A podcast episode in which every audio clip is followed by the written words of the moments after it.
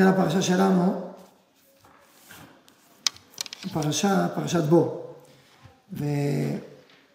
ובפרשה הזאת מופיע הרגעים הגדולים שאנחנו חוזרים עליהם בכל הדורות. חצי הלילה, ויהי בחצי הלילה, והשם יקרא כל בכור. המאבק הגדול הזה מגיע לשיאו ומוכרע. חצי הלילה, ופרעה אומר לעם ישראל, קום וצאו מתוך עמי. כשאנחנו מתבוננים בפסוקים האלה, המיוחדים האלה, ששם פרעה סוף סוף נכנע בצורה מלאה, ורואים את המשפטים שהוא בוחר להגיד, אז נשים לב לאיזה מילה, כדרכנו להתבונן בדרך המילים, בעניינים שלמים, שימו לב למילה הזאת המיוחדת שחוזרת על עצמה, היא מובהקת בדיבור של פרעה. מקור מספר אחד. יש לכם מקורות, נכון? ויקום פרעה לילה, הוא וכל עבדיו וכל מצרים, ותהי צעקה גדולה במצרים, כן בית אשר אין שם מת. ויקרא למשה ולאהרון, לילה ואומר קומו צאו מתוך עמי, גם אתם, גם בני ישראל, ולכו עבדו השם כדברכם, גם צורכם, גם מקחם קחו כאשר דיברתם ולכו, וברכתם גם אותי. חמש פעמים המילה גם. גם וגם וגם. כמובן אפשר להגיד, גם צונכנו וקרחם קחו, כן? דוגמה, או גם אתם, גם בני ישראל. ברור שהגם פה הוא מאוד מובהק, והוא מרבה. וכבר אז של המקור כבר אומר, כן, למה? כי זה באמת זה מול המשא ומתן שהיה עד עכשיו. אפילו נדלג רגע למקור מספר אה, תשע. ויקרא משה לאון לילה, מגיד שהיה מחזר פתחי העיר וצועק, אחד משה שרוי, אחד משה שרוי, גם אתם הגברים, גם בני ישראל הטף. לכו ידעו את מגד אביכם, הכל כמו שאמרתי, לא כמו שאמרתי. לא כמו שאמרתי אני, בטל לא אשלח, בטל ממי המלכים, בטל אצלכם וכולכם, וכולי. אז ככה הוא ממשיך. זאת אומרת, יש פה בעצם איזשהו פסגה, איזשהו סיכום של האמירה של פרעה, זהו, ניצחתם, לגמרי. גם וגם וגם. ובסוף המשפט המיוחד, וברכתם גם אותי, שבהמשך נראה אותו כגולת הכותרת של הגמים האלה. אבל בשביל להבין את כל העניין הזה, איזה סיכום, אז צריך לחזור לשורשים של התהליך של יציאת מצרים, וננסה לעשות את זה באמצעות המילה הזאת גם. עכשיו אני רוצה להגיד בסוגריים, שברור שמילה כמו גם, שהיא מילה תדירה, היא גם, גם, לדרוש אותה זה לא דבר פשוט, כי כמו שאומר שמילה עת, אז רבי עקיבא דרש כל עתים שבתורה. אז ברור שאתה לדרוש את העט, אבל גם, גם שאתה דורש, אחרי שאתה רואה פה, באופן מיוחד, אתה יודע, באופן מיוחד, אה, מקבץ כזה מיוחד של גמים, שהוא בעצם מסמן לך שיש פה, במילה הזאת, בעצם פרעה נכנע, אז זה עוזר לך להסתכל אחורה, ודרך המילה הזאת לעקוב אחריה ולראות איך היא מספרת את הסיפור של יציאת מצרים. לולא זה, זה יותר קשה. לא פשוט ככה לדרוש מילה אחת כזאת.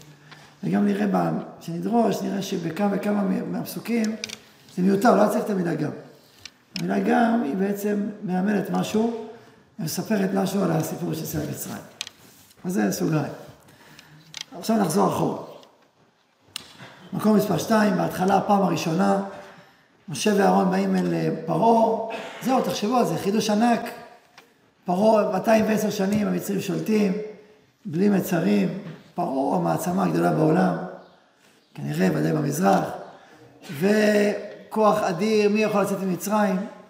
עכשיו תדעו שפרעה זה לא רק מעצמה אה, כלכלית ולא רק מעצמה צבאית, זו מעצמה רוחנית, זו מעצמה רוחנית אה, תלתומה. כל העולם של המכשפים, החרטומים, דברים שעד היום לא יודעים לעשות אותם, לא יודעים. אני לא מכיר מחשב שיודע להפוך אה, מטה לתנים, או אני יודע מה. יש אחיזת עיניים, זה כל מיני להטוטים, אבל מטה לתנים ודם וצפרדע, לא יודע אם יש דבר כזה, ברמה כמו של, של המצרים. ועם ישראל גדל שם עם, עם חרטומים, זאת אומרת, היה פה גם העצמה, כוח רוחני עצום, עד כדי כך שכאשר משה רבנו בא לתת מופתים, אומר לו פרעה, לפי דברי חז"ל, תבן אתה מכניס לאפריים. מקום שכל כולו מלא תבל. אנחנו כולנו אומנים המחשבים הגדולים בעולם, אתה רוצה לדבר עוד איזה כישוף. חז"ל אמרו שחלק מהכישורים של מצרים זה היה לחשב את העבדים, לא לצאת ממצרים. כלומר, גם עשו מגדלי שמירה, אז יודעים מהארכיאולוגיה, שעשו מגדלי שמירה, לראות אם יש עבדים בורחים, וגם, לפי חז"ל, זה גם היה כישוף, זאת אומרת, זה גם שיעבוד רוחני ומנטלי, באופן כל כך אה, טוטאלי, שאי אפשר לצאת. זה כוח, כוח אדיר, זה מעצמה כבירה. ומשה רבנו, משה ואהרון, קוראים תיגר נגד כל המעצמה הזאת. הוא אומר לו, בשם מי אתה בא? מי אתה? הוא אומר לו, בשם השם אלוקי ישראל.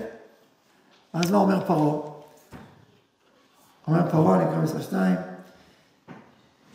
ויאמר, אז קודם כל, ואחר באו משה ואהרון ואמרו אל פרעה, כה אמר אדוני אלוהי ישראל, שלח עמי ויחוגו לי במדבר. הוא אלוקי ישראל, וזה העם שלו, שלח אותו. ואמר פרעה, מי השם אשר ישמע בקולו לשלח את ישראל? לא ידעתי את השם וגם את ישראל לא אשלח. לא ידעתי אותו וגם את ישראל לא. מה זה גם את ישראל? אפשר לומר שהכוונה, א', לא יודע מי זה בעל הבית שמדברים עליו, שהוא ישלח את עמי, מי זה עמי? עמי העם זה זה עם של עבדים, עבדים שלי, אני אהיה בעל הבית שלהם. הם עמי. הזכרתי בסיפור על הבבא סאלי, ש... שהיום, הילולה אה, שלו, זכר צדיק קדוש לברכה, סיפור, זה סיפור שמבטא גם את הגלות, את צער הגלות. במרוקו, אז היה, המנהג היה שם, היה, היה, היה שם אחד המורדים, שקראו לו מולאי מוחמד, שקבע שם את המחוז, והחליט שהוא רוצה להרוג את היהודים בתפילת שם, תפילת, תפילת אולי קוראים לזה, להרוג שם את היהודים. אה, אבל גדול, מה עושים? ואז אה, היה, אז ואז בסוף אה, היה את ה... את ה... רבי דוד אבוחצירא, שהיה אחיו של הבבא סאלי, היה ראש הקהל, היה צדיק גדול ראש הקהילה. בסוף אה, אספו את כל היהודים, ממש כמו, באו להרוג אותם. ואז הוא בא, אז באותו יום, באותו שבת הוא לבש שחורים, עטף שחורים ולבש שחורים. ובסוף אה, תפס אותו המנהיג, אמר אותו, ואתה תמות אתה עם שני ראשי הקהל. הרגו אותו, לא, אני אגיד את זה, סוג המיטה שלו, הרגו אותו בצורה... ואז היועצים של המוחמד הזה, אמרו לו, טוב, זה מספיק, הרגו את המנהיגים, זה מספיק, ודרש מהם כופר נפש, אסור היה לקונן בהלוויה, והבבא סאלי הצטער מאוד, והתאבל על אחיו שבע שנים.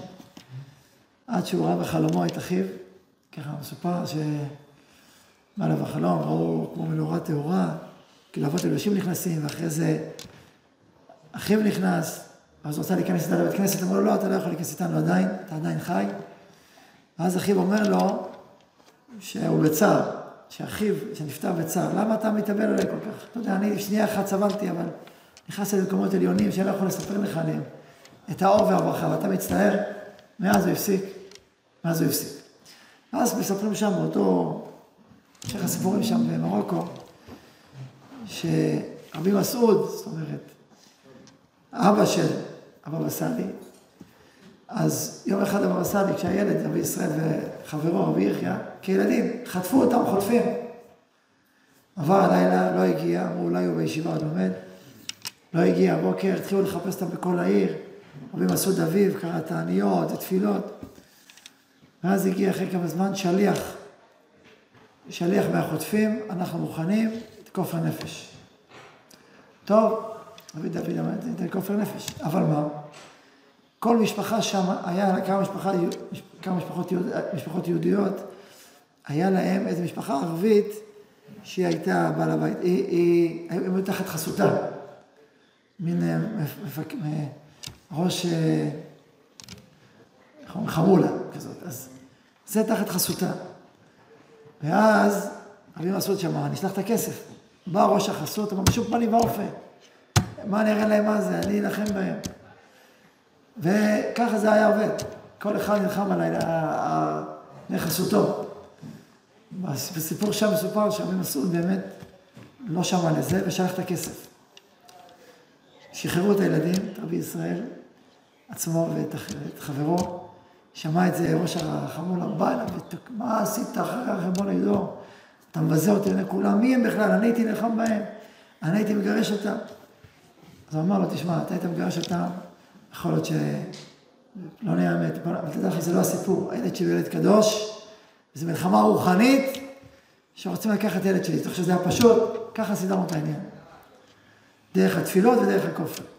טוב, התרצה. ככה מסופר. אני אומר, זה סיפור, אבל תחשבו מה זה אומר. משפחות יהודיות צריכים, זה, רבים עליהם האדונים, מי, מי העבד של מי, מי בני חסות של מי. זה הגלות. פה מה משה רבנו אומר לפרעה, הם לא עבדים שלך, שלח את עמי. עמי ורבי במדבר, אני בעל הבית, לא אתה בעל הבית, לא, מה, אני בעל הבית. לא ידעתי את השם, וגם את ישראל לא אשלח. אני חושב שהפעם של ישראל, אפשר לדרוש, שגם אם תגיד שאני, בלי כזה לקדוש ברוך הוא, אלא שם ישראל סובל, הוא עבד, תן לו חירות, תן לו מקום, תן לו משהו לאומי. לא, לא, זה לא, לא מעניין אותי, לא זה ולא זה. ולא רק זה, תכבד העבודה על אנשים, ואל ישוב את דבריך כעוד יותר סבל לעם ישראל. עוד יותר, מה? בא משה רבנו לצועק לקדוש ברוך הוא, הוא לא יודע אותך, ואת ישראל עוד יותר לא יודע. וצעקת ישראל עוד יותר חמורה. ואז הקדוש ברוך הוא מנבא למשה, תראו מקור. שתיים, בסוף, וידבר אלוהים למשה ואומר עליו אני השם. וירא לאברהם יצחק ליעקב ולשדה שמי השם נתתי להם. וגם הקימותי את בריתי איתם נתתי להם עץ נען. וגם אני שמעתי את נקה בני ישראל שמצרים ממדים אותם לזכור את בריתי. אומר הקדוש ברוך הוא, קודם כל אני השם. יש בעל הבית לבירה, קראתי ברית עם האבות, זהו, עם ישראל השתחרר, אחד. זאת אומרת, מול מה שפרעה אמר, מי השם? הקדוש ברוך הוא אומר, אני השם. שתיים, הוא אמר את ישראל לא אשלח, כן? אז הוא אומר, וגם את ישראל לא אשלח. אז הקדוש ברוך הוא אומר, וגם אני שמעתי את נאקת בני ישראל אשר מצרים מעבידים אותם ואזכור את בריתי. אני שומע את עם ישראל, אני לא רק, אני הוויה ואני עכשיו פה מה שאני רציתי לפעול, אלא גם עם ישראל שסובל, גם זה חלק מהעניין. אני שמעתי את נאקת בני ישראל. גם השם וגם ישראל. פרעה אומר לא השם, לא ישראל. הקדוש ברוך הוא אומר גם אבני הוויה וישראל. בעצם, בוא נגיד שני הגמים הראשונים האלה משרטטים את, אה, את המערכה, את התחלת המערכה. הקדוש ברוך הוא וישראל, ופרעה עומד מן הצד, לא הקדוש ברוך הוא ולא ישראל. ואז מתחילים. מתחילים, ואדם, תנו לכם מופת, מתחיל הוויכוח, מתחיל העימות, ואז אחרי המופת הראשון של אדם, לא המופת, המכה, מופת בהתחלה, אבל אחרי זה מכה, זה נקרא במקום מספר שלוש, נדבר על עשרת המכות, ויקרא גם פרעה, אז קודם כל, עם התנין, עם התנין לפני כן. ויאמר משה ואהרון לפרעה ועשו כנגשת צבא השם, אשלח רון מטהו לפני פרעה לפני עבדה ויהיה לתנין. ויקרא גם פרעה לכם מחשבים ויעשו גם הם חרטומי מצרים ולתיהם כן. יש פה שתי גמים, אחד על פרעה ואחד על החרטומים. זה שתי דברים. בעצם פרעה, פה הגם הוא מאוד מאוד ברור שהוא מעמיד אלטרנטיבה. זאת אומרת, יש את עם ישראל, יש את משה ואת אהרון. משה שולח את אהרון לעשות מופתים. פרעה שולח את החרטומים לעשות את המופתים שלו. זאת אומרת, גם פרעה וגם החרטומים הם אלטרנטיבה, גם אני יכול, לא רק אתה יכול, גם אני יכול. לא רק אתה, גם אני, גם אני היינו זה לעומת זה. אני לעומתך. אתה שולח, משה שולח את אהרון, פרעה שולח את המחשבים. לכן גם פרעה, זה דרגה אחת, פרעה המלך, שולח את המחשבים, זה בעלי כוחות הטומאה, כהנים לפעול. ומולם עומד משה, כאילו הוא המלך בצד שני, בשם השם, ושולח את אהרון לעשות את המופתים. אז מול משה ואהרון עומדים פרעה ומחשבן. והנה, הקדוש ברוך הוא אומר, גם אני יכול. עכשיו, כל התהליך של יציאת מצרים הוא תהליך שמתחיל בהדרגה. שלב ראשון, שלב שני, שלב שלישי, שלב רביעי. הוא לא מכה אחת וגמרנו, הזכרנו את זה בשבת, לא לפני הרבה זמן, שזה הרעיון שיש פה תהליך שהוא מדורג, שהוא שלב אחרי שלב, שלב אחרי שלב מתפתחת התודעה האמונית והתודעה של מלכות השם ומלכות ישראל. אז גם הם עושים. טוב, ממשיכים הלאה. מגיע מכת דם, ויפן פרעה, אז גם, תראו גם במקור אה, מספר אה, שלוש בסוף, ויפן פרעה ויבוא אל ביתו ולא ישבתי בו גם לזאת ברור שהוא רשת ליבו גם לזאת, כי יש פה זה לעומת זה. המופתים של אהרון, משה ואהרון, זה לעומת זה המופתים של אה, פרעה ומחשפיו. שבוע שאל אותי אחד הבחורים, דיבר איתי על מתן תורה ועל אה, אמינות המסורת ועל ההוכחות של המסורת וכמה זה ברור או לא ברור. אז הוא שאל אותי, אמר לי, הנה תראה, גם המחשבים היה כוח, הנה החתומים. גם הם עשו אחד ושתיים, אז יש פה, אז יש פה גם כוח. אמרתי לו, למשל למה הדבר דומה? למי שאדם יכול להזיז, זה עכשיו בהוכחות לא הגיעו פשוטות. אדם יכול להזיז, נניח אתה יכול להזיז אה, ספסל. יכול להזיז ספסל. אתה יכול להזיז גם טנק, גם מטוס. בוא תזיז מטוס. ראית מישהו פעם בידיים שלו להזיז מטוס? תנסה. מישהו הזיז טנק בידיים שלו? תנסה. בוא, קדימה. ראית מישהו בעולם שהצליח? האדם הכי חזק, הכי גדול. בוא נגיד, האיש שקראתי עליו שהזיז, שהרים מכונית לאחרונה, זה היה אלפרין. אלפרין שמתאבק, יש סיפור שהוא הרים פעם מכונית, הרים והזיז אותו. אה, אוקיי, הרים מכונית. טנקר יכול להרים, מטוס יכול להרים? לא. עכשיו, אם תראה מישהו שמסוגל להרים מטוסים בשתי ידיים, בא עם מטוס מפה, מטוס מפה, עומד, אוקיי, זה באמת משהו אחר, זה דרגה אחרת לדבר. אמרתי לו, דאו צפרדע, עכשיו קיני, ארור, דבר, שכין, חתומים מאצבע אלוהים, וזהו, נגמר, זה כבר לא... זה גם ב-level אחר. אתה יכול להוריד ברד, לקרוא הים, מישהו קרא ים בהיסטוריה. אתה לא יכול, אז זה level אחר לחלוטין. עכשיו זה נכון שהרמב"ם אומר שזה הייתה נבואת משה, מאדם הר סיני, שזה אפילו לא, זה תקשורת ישירה עם אלוקים, שזה הדבר. ממש להיפגש עם המלך עצמו. כן, זה דבר שאנחנו לא מבינים אותו בשכל, רק בנשמה. אבל, אבל זה ודאי וזה מוחלט, ממש זה הפסגה. שזה הדיבור עם אלוקים, שזה הקשר איתו. אבל גם ברובד של המופתים, במאבק הזה, יש הבדל ענק בין אה, משחק בילדים, משחקי ילדים, לבין דברים אחרים לגמרי. אז לכן זה הולך ועולה. אמרתי לו, זה הולך בשלב ראשון, שלב שני, שלב שלישי. אז בהתחלה יש גם לפרעה. זאת אומרת, יש אלטרנטיבה. אבל באיזשהו סתם מגיע מכת קינים, ונגמר העניין. החרטומים מרימים ידיים. אומרים החרטומים ואומרים, אצבע אלוהימי, ועשו הנה, ניסו לעשות כן ולא יכולו. זהו, אצבע אלוהים.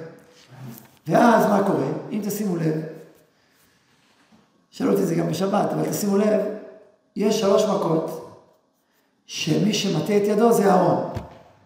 אחר כך מתחיל משה. אז כבר רש"י אומר, כמובן, לקראת התור של היו"ר, אבל שימו לב לזה, בשלוש מכות, דם, צפרדע וקיני. ואז מה קורה? פתאום החרטומים הולכים אחורה, כבר לא, הם כבר לא בקדמת הבמה, אבל גם אהרון כבר הולך, אם מקודם אהרון לא היה זה שהולך קדימה, כמו המלך שולח כוח, עכשיו כבר אהרון זהו. למה הוא כבר ניצח? הוא ניצח את החרטומים, החרטומים זזים הצידה. מי עכשיו ניצב? פרעה. מעכשיו החרטומים כבר לא פקטור משמעותי, ועומד מי שעומד מאחוריהם. מקודם דיברנו גם על פרעה, גם פרעה, ויקרא גם פרעה, ויקרא גם פרעה, לאחים המחשבים ועשו גם הם. אז אמרנו שיש פה גם פרעה ויש את האחים המחשבים. האחים המחשבים כבר לא עומדים מול אהרון, ואז פרעה יוצא ואומר אני, אני עומד פה, אני המלך, אני בעל הבית, אני זה שעומד מול. ואז משה יוצא, אהרון הולך בצד, ואז משה עומד גם מול. אהרון זה מול החרטומים.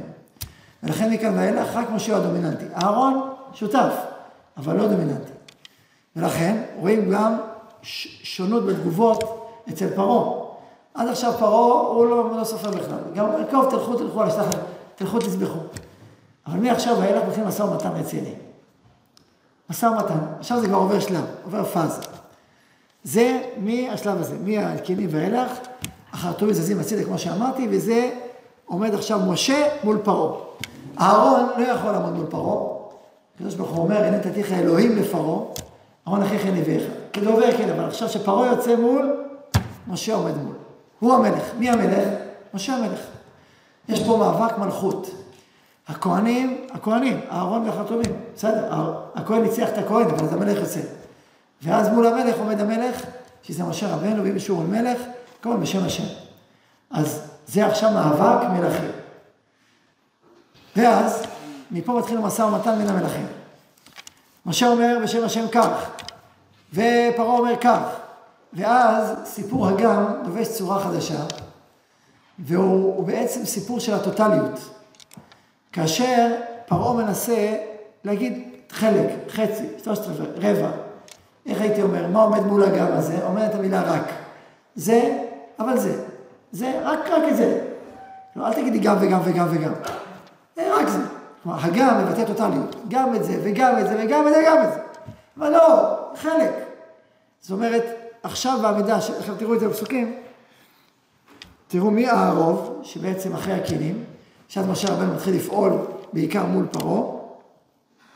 מתחיל הדיון, במקום מספר חמש, מי ומי הולכים? מי, מי ומי הולכים? נערינו, מה זאת אומרת מי הולכים? נערינו וזקנינו ובתנו ותנו ובקרנו. פרעה, משה רבנו ישר טוטאלי, על כל הקופה. הוא לא מתחיל אה, משא ומתן, הוא על כל הקופה. יש בעל הבית. זה יכול להיות חד וברור ובהיר. אין פה פשרות ומשא ומתן. מאה אחוז. פרעה הוא, הפשרן. הוא כאילו רך, הוא טוב. בוא, רק הגברים. בואו נעשה, לכו הגברים, וידעו את השם. מה המשמעות של המשפט הזה? לכו הגברים.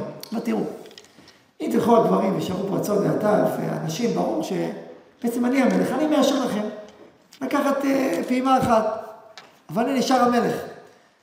אומר לו משה רבנו, מאה אחוז, שלח את עמי זה מאה אחוז. מלך על ישראל זה במאה אחוז, ריבונו שלום, אין חשוב כלום. מה זאת אומרת? כלום. טוב, ויגש, מה זה, לא מסכים. ויחבד, אז הוא אומר, לא הסכים. אחר כך, עוד פעם, מכות הבאות, אנוכי אשלח אתכם, סליחה, אני הפכתי. קודם כל, בפרק ח' עם הערוב, אז הוא מתחיל להגיד, רק לא תרחיקו ללכת. אתה צריך ללכת למדבר, תלכו קרוב. רק אחרי תלכו, תלכו, אבל רק, רק קרוב. אומר לו, מה פתאום השם בני באופן? זה בערוב. אחר כך, כאשר, בואו נראה, שנייה סיכוי בפנים.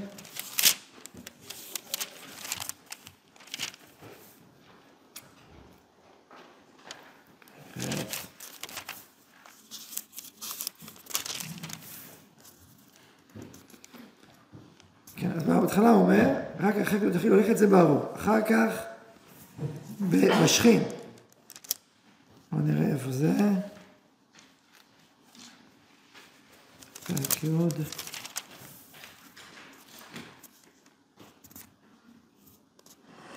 כן, זה כבר בברד. בברד, אחרי הברד, אז הוא אומר לו הגברים. זאת אומרת, בהתחלה הוא מתחיל ללכת, אל תרחיקו ללכת. אחר כך ממשיכות המכות, הוא אומר, טוב, תלכו רק הגברים, כי אותה אתם מבקשים. אומר מה פתאום, אני רוצה את כולם. טוב, ויגש עבד פרעה. אחרי הברד, אחר כך מתחיל החושך. אחר כך ברד, בואו נראה, הרבה. הנה, אז בהתראה של החושך, אומר פרעה למשה, בעיקר פרעה למשה, הוא אומר, לכו עבדו את השם, רק צונכם ובקרכם יוצג, גם טבחם ילך עמכם. תשאירו לפחות את הצאן. אז זהו משא ומתן. תשאירו את הצאן, זה בפרק י', במקום מספר 6. אומר לו, אז, אומר לו משה, לא רק שהוא אומר לו, כמו שאמר עד עכשיו, שאמר לו, אנחנו נלך מאה אחוז, גם וגם וגם וגם. פה משה רבנו הוסיף עוד, עוד משהו. תראו מה אומר לו, בפסוק אה, כ"ה, ויאמר משה, פרק מסקור 6, ויאמר משה, גם אתה תיתן בידינו זבחים ועולות ועשו דרכנו, וגם יקננו ילך עמנו, לא יישאר פרסה. אומר לו, לא רק זה טוטאלי, אלא גם אתה. הגם, על הדרגה. אנחנו נלך עד הסוף, מאה אחוז, וגם אתה תיתן בידינו זבחים ועולות. זה מה ש... זה פרעה שאומר, לא מסוגל להתמודד. גם אתה? גם אתה? מה אומר לו? ואומר לו, פרעה, לך מעליי, ישר עליך, אל תסבר עוד פניי, כי ביום מורדך פניי תמות. זה כבר, אתה רוצה, גם אני, גם אני אתן לידך, זה הגזמת כבר, זה כבר סיפור הכי קיצוני שיש, מה אתה רוצה, גם אותי איתך? לך מפה, לא תספר על פניי, זהו, תמות. אני רוצה להוסיף פה חידוש, שאמרנו אותו, לא יודע מה אמרתי אותו בישיבה, זה לא לפני הרבה שנים, שאני חושב שהוא חידוש לאמיתה של תורה. מה זה ויחזק השם את לב פרעה? אז יש את השאלה הידועה, איך הקדוש ברוך הוא מתערב בבחירה? יש לזה הרבה תשובות. אני חושב תשובה שאני חושב שהיא תשובה של פשט, שהיא פשט הכתובים, של פשט, אני חושב שהיא מאוד אה, נכונה. שויחזק השם את לב פרעה, הכוונה היא שהוא לא נתן למכות להשפיע עליו.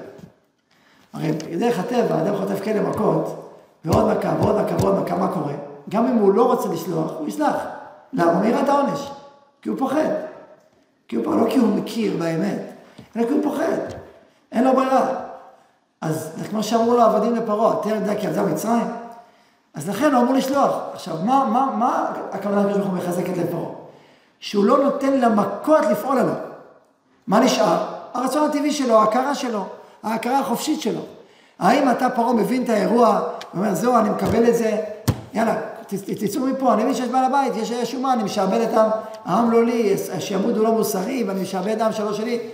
תצאו, אני רואה, אני מסתכל על המופתים, וואו, זה באמת מדהים. אז פרעה היה לו בחירה חופשית. היחזק השם את לב פרעה הוא נטרל, זה נטרול ההשפעה של המכות. כלומר, אם אדם נורמלי, רק ידעו לו מכות כאלה קשות, אז זהו, אין, אין, אין לו שיקול דעת כבר, הוא לא רוצה, רק כך.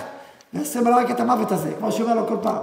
רק תעשי, תעשי כבר, כל פעם שהוא תלכו, תעשו את זה, כבר אני לא יכול עם זה, נכון? אז אם אתה מבין את זה, אז ברור שתשלח, נכון? מה, אתה טיפש? אתה ידע כבדה מצרים? ויחזק השם את לב פרעה, הכוונה שנתן לו כוח נפשי, כוח אביר כזה, לא להתרשם מהמכות. ואז מה נשאר? הבחירה החופשית שלו.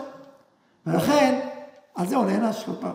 זה חידוש, אני חושב שזה חידוש פשט, ונראה לי מתאים מאוד לפסוקים. אז זה ויחזק השם לב פרעה. חיזק אותו מול, מול ההחלשה. על כל פנים, אז גם פה פרעה לא מסכים ולא מוכן לשלח את ישראל, ומשה רבנו אומר לו, גם אתה. ואז מה קורה בחצי הלילה? ב... ב... או לפני כן, במקום מספר 7, אומר לו משה רבנו ככה, אחרי ההתראה, ואחרי שהוא אומר לו על ברכת בכורות. וירדו כל עבדיך האלה אליו, השתחוו לי לאמור, צא אתה וכל המשל עבדיך, ואחרי כן יצא, ויצא מעם פרעה בכורי אף כאן. עכשיו הוא קיבל כבר את ההתראה על הבכורות, תוך כדי, ואז הוא אומר לו אותה, ואומר לו, אתה תשתחווה. אתה תשתחווה. מה זה להשתחווה? זה המלכות. אתה תגיד לי, תצא. ופה אני רוצה להבחין את היסוד הגדול של ההבדל בין משה רבנו ליוסף הצדיק. יוסף הצדיק הוא היה אדם ענק. הוא היה כמו משה רבנו לכאורה, כמו מלך, משנה למלך, אבל מה? אומר לו, רק הכיסא יגדל ממך. אומר לו, קח הכל, על פיך יישק עולמי. הכל, הכל, הכל יש שלך. רק, רק הכיסא, רק קטן אחד, הכיסא יגדל ממך. מה זה הכיסא? הכיסא זה מי מלך, מי המלך, מי הבעל הבית. אז אתה תעשה הכל. זה הגלות בתפארתה, אומר. יש גלות כמו מצרים, שזה ועבדו ועינו אותם. ויש גלות כמו יוסף, שהתור הזהב, והיהודים מצליחים, שרי אוצר, שרי איזה, מה, מה, מפארים אותם, ממליכים אותם, אתם, אבל רק הכיסא. אפשר להגיד מה אכפת לי, רק הכיסא. לא, זה החידוש. החידוש של פסח, פסח מצרים, זה הכיסא. שזה שיהודי יושב במרוקו ויש המשפחה של הגויים עליו, לוקחת אותו לחסות, זה חילול השם. זה אומר, עם ישראל, יש לו מדינה משלו, יש לו מלכות משלו, יש לו בשורה משלו לעולם. ברגע ששולטים עליו באופן ריבוני, זה חילול השם. שולטים באופן ריבוני בעצם אומרים שהמסר שלו לעולם הוא תמיד יהיה מסר מושפל, תמיד יהיה מספר שתיים. יש דבר ששולט במציאות, את האמת אל הקיום, את ממלכת המצרית או הגויית או החיצונית או החומרית, זה מה שמולך באמת. אה, אתה רוצה להיות מספר שתיים, אפילו שתיים אתן לך. יכול להיות שיהיה לך חתן יהודי, שיהיה לך זה, שיהיה הרבה דברים, כל מיני דברים. אבל האם אתה תמלוך באופן פנימי, עמוק, אתה? בשום פנים ואופן לא. ואם זה עולה עימות, רק הכיסא יגדל ממך. וכאשר יוסף רוצה לצאת, להביא, לקבור את אביו במצרים, אז מה זה, איזה דיפלומטיה? כל כישרונות הדיפלומטיה של יוסף, וידבר אל בית פרעה, דברו נא את בית פרעה, חז"ל אומרים, שדיבר אל הספרית, שתדבר אל המלכה, שתדבר אל המלך. אתם מבינים? ספרית, הוא חיפש, למה לדבר עם המלכה? לא, זה מורכב מדי. צריך לדבר איתה, ואיתה, אה, בסוף מדבר אל המלך. למה? כי מה פרעה חשש? שיוסף יוצא, שישאר שם. לכן הוא פחד. היציאה למצרים יש לה כוח, כוח של התרמה, של יציאת מצרים האמיתית, אם לא מזלך זה, אומר, אני, כבר לא שולט. אז הוא לא הסכים בשום פנים, אבל רק עם יוסף, עם השבועה, מה שחז"ל אומרים, שאמרו לו, אם אתה, אם אתה לא תסכים, אני אתיר את השבועה שאני השמעתי לך שלא יגלה של ידי לשון הקודש, שהיא מעליך. אז אתה לא, אם אתה, אם אתה רוצה שאני אעלה עליך, אז ת, תסכים. אז זה הסכים, כופף אותו. פוליטיקה של כוח, מאבקים, מאבקי כוח. אין ברירה. אז אני אומר, דיפלומטיה, דיפלומטיה, כי בסוף בסוף מי שקובע זה פרעה, רק הכיסא ידע ממך. ניתן לו, גם ניתן לך הרבה גמין, גמין, הרבה גמין, אבל בסוף אני קובע. החידוש של משה, בדיוק ההפך מיוסף. משה אומר, אני נלחם על הכיסא, אני נלחם על המלכות. מי מולך? מי המלך? זה השאלה. משה רבנו אומר, על מה ש... זה יצא ממך, ומה שאני אומר יקרה, לא מה שאתה אומר יקרה. ולא רק זה, גם אתה בפנים, גם אתה בסיפור. זה החידוש של, של, של משה. ולכן, הסיפור המפורסם בבית המדרש הזה, כאשר משה היה ילד, מכירים את המדרש, ויגדל היה ילד, כזה יכול להיות שנקראתו במקום 12, זה הסיפור המפורסם, הייתה בת פרעה והשקט, מחבבת אותו וכולי, והיה פרעה מנשקו ומחבקו, והוא נוטל כתרו של פרעה ומשימו על ראשו. כמו שעתיד לעשות לו כשיהיה גדול. משה רבנו הולך על הכתרים, הולך על הכיסא, על המלכות, לא פחות מזה. וגם כשהוא היה ילד, שם את הכתר על הראש. והחרטומים באמת נבהלים. וכן הקדוש ברוך הוא אומר לחירה, מוציא אש מתוכך וכן בת פרעה וכולי. מלך המשיח עתיד להיפרע מידו שם מהם וכולי. והוא שמשווים מחרטומי מצרים. הנה החרטומים. ואמרו, מתייראים אנו מזה, שנוטל כתרך, ונתנו על ראשו, שלא יהיה זה אותו שאנו אומרים שעתיד תולכות ממך. והם אומרים להורגו, אומרים לשרפו, עד כדי כך זה היה פאניקה, אומרים הנה הכתר, הנה המלחמה על הכתר. בא יתרו יושב ביניהם, אומר להם הנער הזה, יתרו גם כהן, כן, כהן מדיין, אחר כך, הנער הזה אין בו דעת, זה לא, אלא בחנו אותו, היו לפניו קרת זהב, גחלת, זהב, גחלת, זהב וגחלת, אם יש ידו לזהב, יש בו דעת והרגו אותו, ואם יש ידו לגחלת, אין בו דעת ואין על המשפט מוות. מיד הביאו לפניו, שייך לו לקח הזהב, ובא גבריאל ודחה את ידו, ונשא לגחלת, ונשא לגחלת אל פיו, ונעשה כבד פה וכבד לשון. כבד פה וכבד לשון, זאת אומרת, צריך להשלים את המלכות עד הקצה, שזה רק במתן תורה. על כל פנים, אתה רואה פה שהוויכוח עם משה רבנו הוא ויכוח על הכתר. ולא רק ויכוח על הכתר, רק משה רבנו גדל, ויצא לך לא עושים אותם, כבר מכה איש מצרי. וישמע פרעה, ויבקש להרוג את משה. מה, הוא כבר מכה איש מצרי, כבר מורד במלכות. הוא בורח, משה בורח, הוא לא נשאר שם, בורח. משה הוא איש הכתרים. הוא איש של הכיסא, זה המהות שלו. אהרון כן נשאר במצרים. והיה שם כל הזמן. הוא היה עם ישראל. הוא הכנגדו של החרטומים.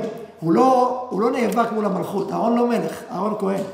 זה, הבחינה שלו זה לא המלכות, הבחינה שלו זה כהונה. רב לך כתר כהונה. זאת אומרת, יש מלכות ויש כהונה. אז עכשיו, אז זה כתר אחר, זה משהו אחר. זה משהו רוחני ופנימי, זה אהרון. אבל משה, זה הבחינה של המלכות. וזה סיפור אחר לגמרי, זה יציאת מצרים, זה לצאת הכל הקופה, זה, זה, זה מהותי, זה כולל. ולכן, משה רבנו אומר לו, גם אתה, אתם מזרחים ועולות. ואז כאשר פרעה קם, נחזור לפסוקים בהתחלה, ויעקב פרעה, לילה, הוא ועבדיו, אז הוא בא, השתחוו עבדיך האלה אליי. יש פה מלך ויש פה עבד. ואז מה הוא אומר? צאו מקום יותר גם אתם, גם לישראל, גם צורכם, גם בקרכם, כל הגמים האלה באים ואומרים, טוטאלי, הכל. אבל לא רק טוטאלי.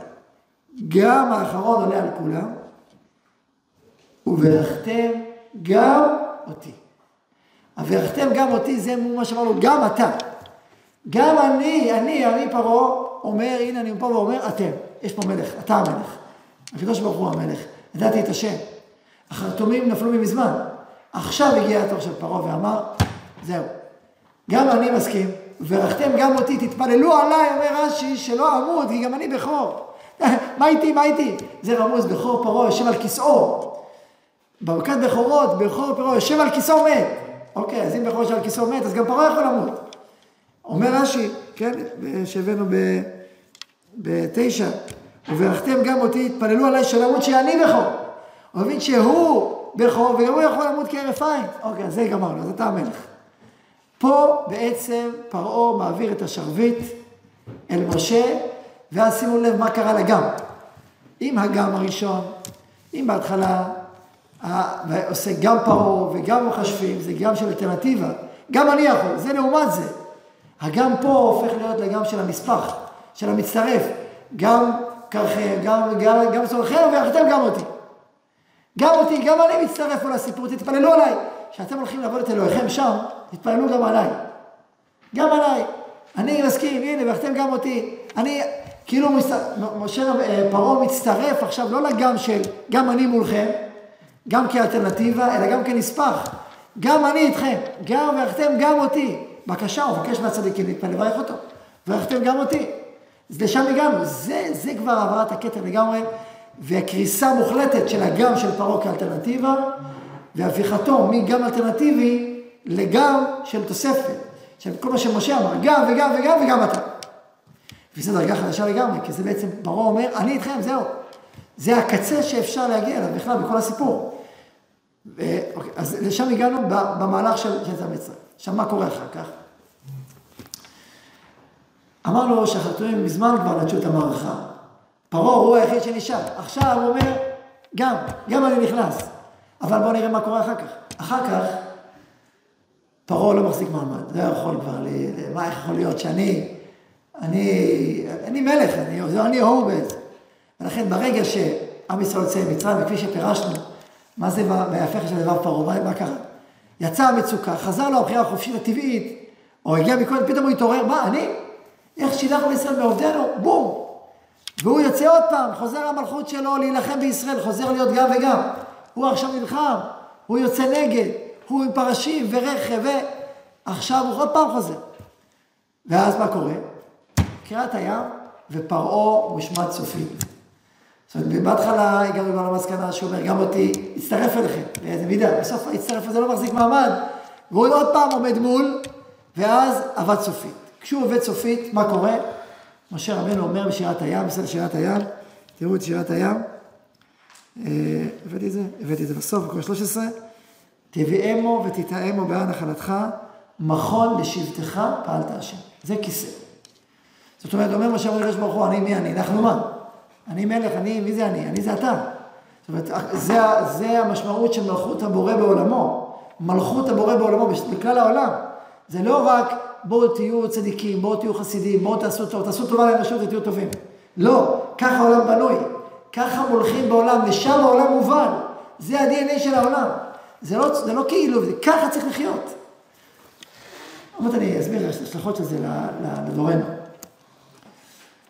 אז בעצם זאת אמירה חדשה לגמרי.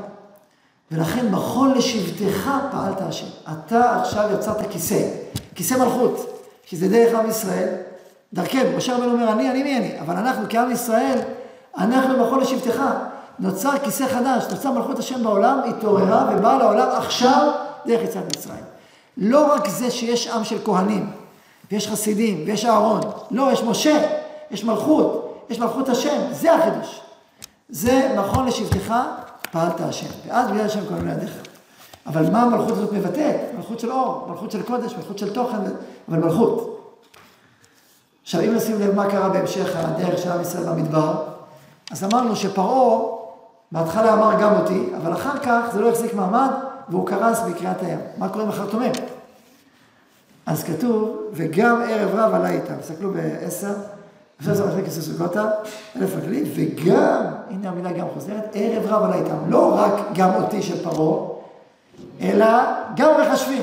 אם בהתחלה הגם, ויקרא גם פרעה לחשבים, ועשו גם המה, שתי הגמים האלה היו אלטרנטיבה, היו, היו לעומתיים, ועכשיו גם פרעה נכנס פנימה, אבל אחרי זה קרס, היה עוד גם של המחשבים, שגם הוא, גם שהפך להיות מאלטרנטיבי, לגם של נספח, לגם של מצטרף, אבל הוא, הוא החזיק מעמד. למה? כי הוא לא מלך. הוא כהן. והוא מבין שיש מלך אחר. הוא מחליף את המלך. הכהן החליף את המלך. המלך לא מחליף את המלך, זה או אני או אתה. אבל הכהן החליף את המלך. אומר, אוקיי, יש מלך חדש, קוראים לו משה רבנו. גם האיש משה גדול מאוד בעיני מצרים, בעיני בני העם. והראשונים היו החרטומים. מי אמר שהרב זה החרטומים? הזוהר הקדוש. הזוהר הקדוש אומר, הערב רב האלה, בראשם היו החרטומים. החרטומים הכי גדולים בכל מצרים, אלה שעמדו מול, הם אמרו אצבע אלוהים והם הבינו שזה סיפור אחר. הם כבר הבינו שזה לא עסק. יכול להיות שמה שקרה ששם, שם גם, גם הכאב של המכה לימד אותם. אצל פרעה, חיזק את פרעה. אז כאילו הכאב של המכה לא, לא, לא השפיע עליו. אז אצל החרטומים כנראה גם הכאב השפיע על התובנות. גם ראו, הם ראו שזה סיפור אחר. החרטומים עצמם הבינו שזה לבל אחר של כוח, של רוח. בזוהר הקדוש כתוב ששני החרטומים הראשים של הערב רב, היה להם כוח רוחני של כשפים כל כך עצום, עד שכל מכשף מצרי, זוטר, הרי הכל היה מלא מכשפים, כל, כל הצדדים.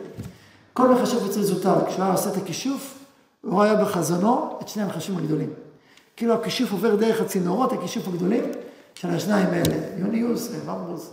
שניים כאלה, יש להם שמות בזוהר. והם היו המחשבים העצומים, וכל המחשבים הקטנים היו, הם היו הכמרים הגדולים, ראשי המחשבים. והם הצטרפו לעם ישראל. היה ויכוח גדול, כן להצטרף, לא להצטרף, משה רבנו אמר, מצטרפים אותם. והם הצטרפו, הם הצטרפו לעם ישראל גם ערב רב עלה איתם. אלא מה? מה קרה? בהתחלה הם היו גם, איזה גם הם היו? גם פרעה וגם המחשבים, היו גם לעומת, היו גם לעומת, שהם היו לעומתים, הם מה הם היו? בראש, נכון? היו בראש, בראש המערכה, פרעה ומחשביו. עכשיו שהגם של, הגם שהפך להיות מאלטרנטיבה למצטרף, נכון? אז אתה בראש או בסוף? אתה שם רק בסוף. זה לא מתאים להם להיות בסוף. זה לא מתאים להם. אומר הזוהר הקדוש שהם הלכו בשולי העם, וכל הזמן היה להם קשה מאוד. הם היו במצרים ראשים. ראשי הרוח, ראשי, ופה רק גרים מצטרפים, לא איטים. היה להם סכסוך, קופליקט, היה להם, מאוד מאוד, מאוד היה להם קשה לאבד את הראש. כלומר, בעדינות, אותו פגם של פרעה היה גם בהם. המלכות, זה היה בגלוי. הם אף פעם לא מלכים, אבל לפחות ראשים. פה הם לא ראשים. זה מזכיר את הגמרא, מסכת גיטין, שמספרת על אולקילוס הגר, שאלה באוב, לפני שהוא, לפני שהוא, אה, לפני שהוא התגייר, אז זה היה תהליך רוחני שלם.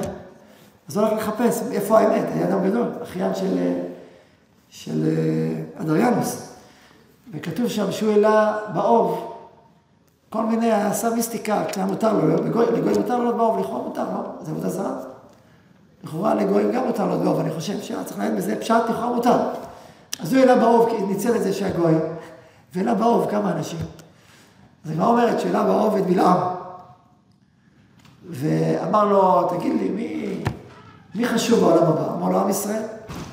אמר לו, כן, עם ישראל. אמר לו, טוב, מה אתה אומר לי, אז מה לעשות? אולי להתגייר? לו, אל תתגייר. אמר לו, מה? אמר לו, רעתם דרוש, טובתם אל תדרוש. כן, טוב. אחר כך היה טיטוס. לא, לא, רגע. את מי הוא העלה? יש את אותו האיש שהוא העלה?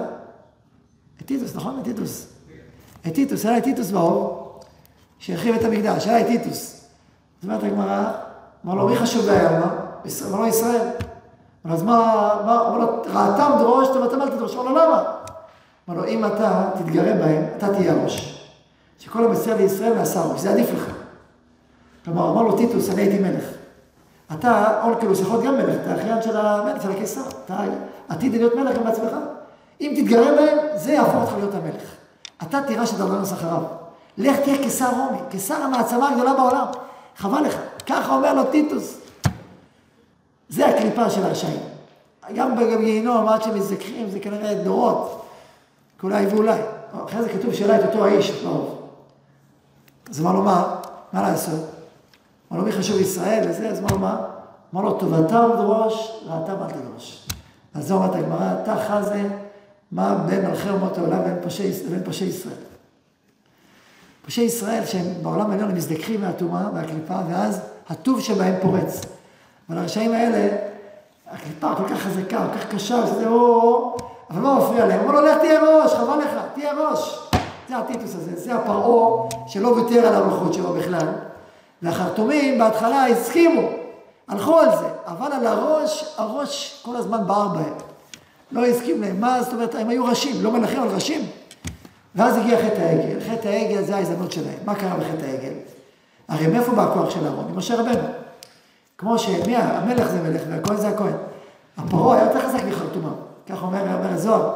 הוא גם המכשף גדול מכל חרטומה וגם כוחו חזק מכל חרטומה. גם משה, כוחו חזק מאהרון. ותראה אלוהים לפרעה, אבל לכן נביאך, פשט הפסוקים. ברגע שמשה המלך עולה, נשאר אהרון לבד. ואז נהיה אהרון מול החרטומים בלי משה. זה מצב מסוכן.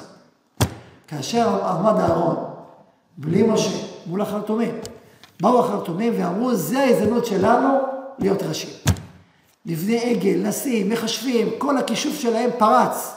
אז זה מה שחז"ל אמרו, ששמו בתוך העגל את הכישוף. והוא אומר, אני אשתה לכם את מצרים, וזה היה הכישוף ברמות הכי גבוהות שלהם, הם היו החשובים הגדולים במצרים. אותו כישוף של מצרים הפעילו בעגל. ופתאום היצא העגל הזה, אומר, אני לא יודע איך יצא העגל הזה, וישלחהו באש ויצא העגל הזה. והזוהר מפרט בדיוק איך הם עשו ומה הם עשו, והם אמרו, וככה וככה. ויצא העגל הזה. זה מה שקרה, ואז כשאהרון עמד לבדו מול החרטומים, הוא לא הצליח. ללמד שכאשר משה היה עם אהרון, המלכות היסודית הזאת של משה, אהרון הצליח. אבל משה לבדו, אהרון מול...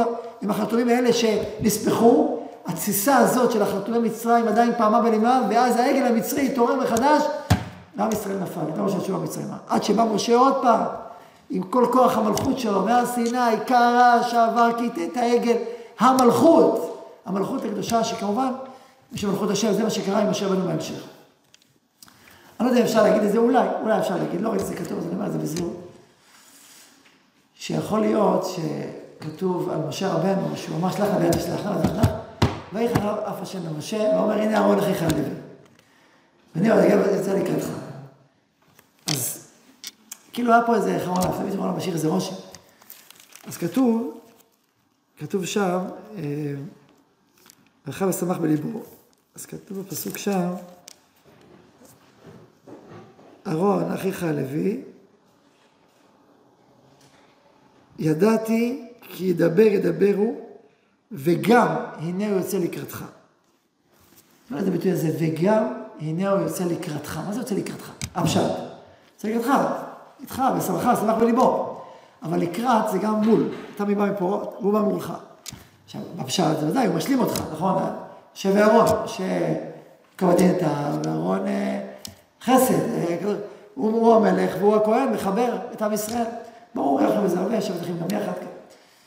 אבל לפעמים הלקראתך יכול להיות גם לעומתך. אם היחד הוא לא מושלם, אז הלקראת הופך להיות מלקראת ללעומת.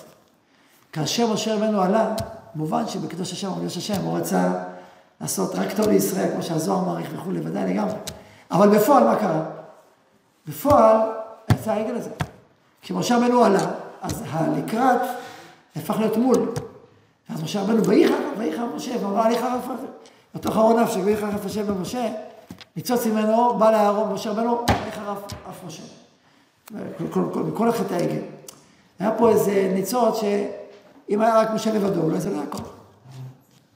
אני לא יודע, לא, זה, אני אומר על זה איך אפשר. זה, על כל פנים, על כל פנים, למדנו מכאן שמשה ואהרון, משה בעוצמתו, במלכותו, זה החידוש הגדול של מצרים, זה חידוש של משה רבנו. שהוא בא לומר, יש מלך לבירה, יש מנהיג לבירה. זה לא רק רוח, זה לא רק דת, זה לא רק רעיונות רוחניים, זה מלכות, זה מדינה, זה לבנות מערכת פיזית שלמה שעובדת על פי קדושה, שעובדת על פי מוסר, על פי תוכן פנימי. זה חידוש ענק, זה לא פשוט. על החידוש הזה קמים הרבה לכלותיה. מפה, מפה, מאלף ואחת צורות, באים להתנגד לחידוש הזה, של מלכות, של יכול להגיד לך פעלת השם. ולכן שם ישראל היום הקים מדינה בארצו. זה לא פשוט להקים מדינה. על המלכות הוא, על, דת, על הדת מתפשרים. על המלכות בשום פנים ואופן לא. גם על הדת לא מתפשרים, זה רק כאילו. ראינו מה קורה עם החתומים, רק זה, רק זה. גם על הדת לא מתפשרים בקלות. אבל, אבל פה עוד יכול להיות גם להצטרף, בסוף יצטרפו. אבל המלכות, אז פה יש מאבק. ולכן גם בעתיד הנביא מתאר את, את, שיש קרב גדול, שישראל הוא אומות העולם, על המלכות יש קרב גדול. אה, גוג וגוג, קרבות גדולים בשביל, בשביל המלכות. ורק כשמכריעים את המלכות, אז בסוף מתוכה בא, בא הקודש והמוסר ומופיע בעולם. בלי הכרעת המלכות, הקודש והמוסר בסוף לא ינצחו את העולם. ולכן מלכות ישראל היא דבר כל כך יקר. כל כך נסגר, כל כך משמעותי, כל כך חשוב, כי הוא בעצם מבטא בקומה הכי מעשית, הכי פיזית, הכי פועלת במציאות את הקדושה הכי עליונה והכי נשגבה. דווקא המלכות מבטאת את הכתר, הגבוה ביותר, העליון ביותר, המלכות מבטאת. רק היא צריכה להיות עדוותנית ולהכיר את שליחותה, ולא ליפול באמצע. לכן זה דבר כל כך יקר. ולכן, גם שכבר ישראל יש לו מלכות, אז כמה עמל אנחנו צריכים, והגיע כדי שהמלכות הזאת תהיה מחוברת ומכוונת אל הקודש. אבל זה, זה, זה סגולה היסטורית, זו סגולה אדירה, זה הסגולה של ישראל, זה התפקיד שלנו. תפקיד כל כך משמעותי, ולכן צריך הרבה מאוד עמל, הרבה מאוד עמל, היסטוריה שלמה אנחנו מנסים. והנה, ברוך השם, הגענו לארץ ישראל, שיבת ציון, יש מלכות. עכשיו העמל שלנו, שהוא עמל גדול, אבל הוא עמל מאוד מאוד פנימי, מאוד עליון, לרומם את המלכות עוד ועוד לקדושה וטהרה לאמת, עד שנגיע לפסגה שלה, שזה מלכות משיח בן דוד, שיהי רצון, שנזכה בקרוב, וכן יהי רצון, ונאמר.